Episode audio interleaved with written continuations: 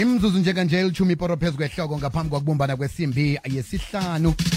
Asithathe-ke eh ihlelo silitshingise lapha ku-community bus sicoca nganasi indaba eh yezobukhwari esewula afrika. Eh sikhuluma-ke la eh ngebhizinisi sikhuluma la eh ngento efaka imali eSouth Africa nawathi ngconyona ke kezo ngezomnotho uyazi ukuthi iGDP efakwa kezobukhwari eSouth Africa ikhamba lapha kubo 74 billion eh engenako. Kanti ke abantu abaqatshekako ngonobangela wokuthi kunobukhwari kuneminyango ezobukhwari kunabantu abaqatshwaka bangehla kwe 1.1 million.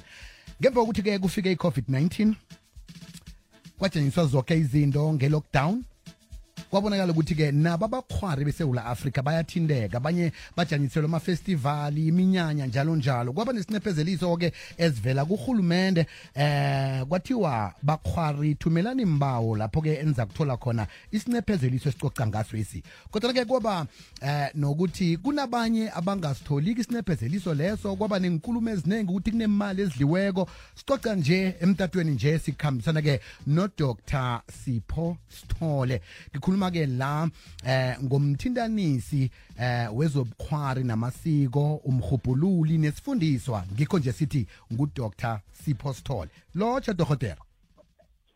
Lotshe eh namhlanje ngifunde amagama ebengawazi ubukhwari nomhubhululi ngilalele ngiyasho hayi hayi umuntu kafana afunde ngempela ilimi zakithi hey ngoba phela lezi ziyafana. Iya eh Zulu Xhosa Swati and Sindebele but hayi ngathi nawe ngijijela ngamagabadi nje amagadi amagabadi anzima angiwazi amagama lawo hayi kodwa ke ungibizile ke biziwe. Ngibizeke wasabela dokotela. Mhm ngasabela. Yebo dokotela Dokotela ke sithathe ithuba leli sibeke umlaleli emkhanyweni beseleke ngivezile ukuthi kwaba nenkulumo eziningi ukuthi kunemali ezilahlekileko kunemali ezingakafiki eh ebakhwarini befane eh bathole imali lezo. Abanye bathi sa apply kodwana akhange eh zifike imali ezibuya kuhulumente befane sifike kithi.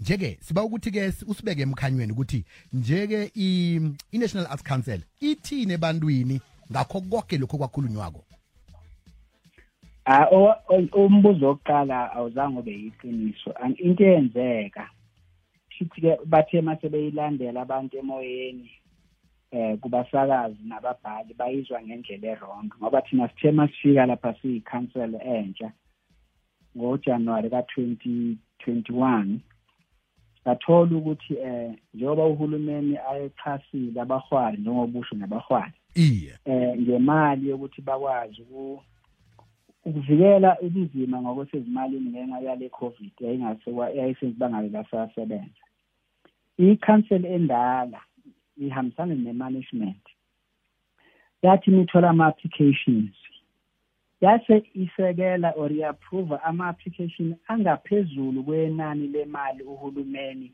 ayeyinike i-national council national arts council. I-national arts council yayinika imali engango-three hundred million. Kulo 300 million 285 million yona ofanele uye kubahwari kodwa ke kuthe mangabe sekwenziwa um kubhekwa iy'celo base bona beapprova imali engo engo 300 million more. So thina ma-CTA asinawo u-300 million sisho lo ongaphezulu kwalo esasinikwe wona. Sasibika thina ukuthi um sebe-approve more than 300, 300 million rand more than the 300 million rand already eyisinikwe i-national arts council. Iye. Bathe mabelalela bona-ke abantu ngaphandle bacabanga ukuthi kuthiwa eh kunemali engongo-300 million elahlekile. Sasiqonda sasiqonda ukuthi eh eh usungithathe imali engaphezulu kwemali enginayo. Mina ngino-10 rand. Usungijaje an extra 10 rand ngaphezulu. Anginawo lona omunye 10 rand. Angisho ukuthi ngithi ulahlekile. Sasiqonde nje ukuthi ayanele imali ngo-300 million. Yothi ngokuthi sihambe siyofuna another additional 300 million. Sahluleka-ke ukuyithola. Dohotere eh, ngibona istatement lapha esikhutshwe nguwe sasekelwa ngubaba uSipho Sticks Mabuse ubaba usile Mage kancube Muthobi eh Mutlwatse Vusileu Romeo Ramwada Owen Ndlovu Mbuso Khoza Kim Fanesi eh Sara Makhafula noNozipho Nguse. Istatement lesi mm. sithini? Nawungengathi nje uyasihuyeza nje kafishazana eh usisa kumlaleli.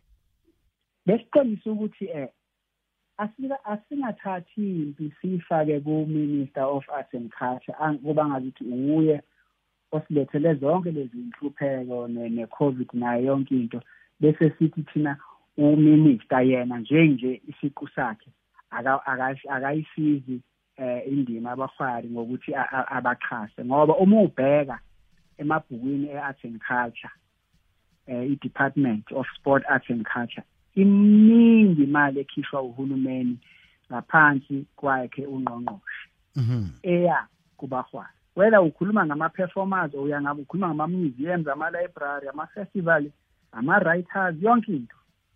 Uma uya kwi-internet uzobona into eyenziwa uhulumeni. So akufanele ujikijela amagabade ungazange ucheck-e ukuthi nje akuhambe uminister ezisho uminister uyena owenza ukuthi. Okwesibili eh engingakubhalanga kwi-statement ukuthi uma ubheka nje imali ekhishwe i-department last year kuze kufike eh, ame kusuka kwaqala i-covid ngo-2020 kuze kufike kuyophela unyaka odlule ibe ngaphezulu ka-642 million rand.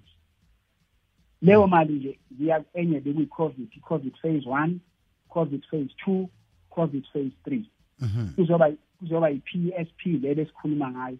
I-p s p nje yona in total yayi-four hundred and seventy-two point three million rands eyaya nje ukusiza i-industry. As wazi-ke u-300 million of that waya kwi-NAC ngingayibala iy'mali eziningi ukuthi abantu abafuni uku-check ama-facts and figures ngoba bafuna ukulwa nesiqu somuntu mhm. not i-issue. Ngoba if bona bebethe uminister akenzanga ukuthi nokuthi nokuthi nokuthi then uzoziphendula ethi hayi cha ninephutha la.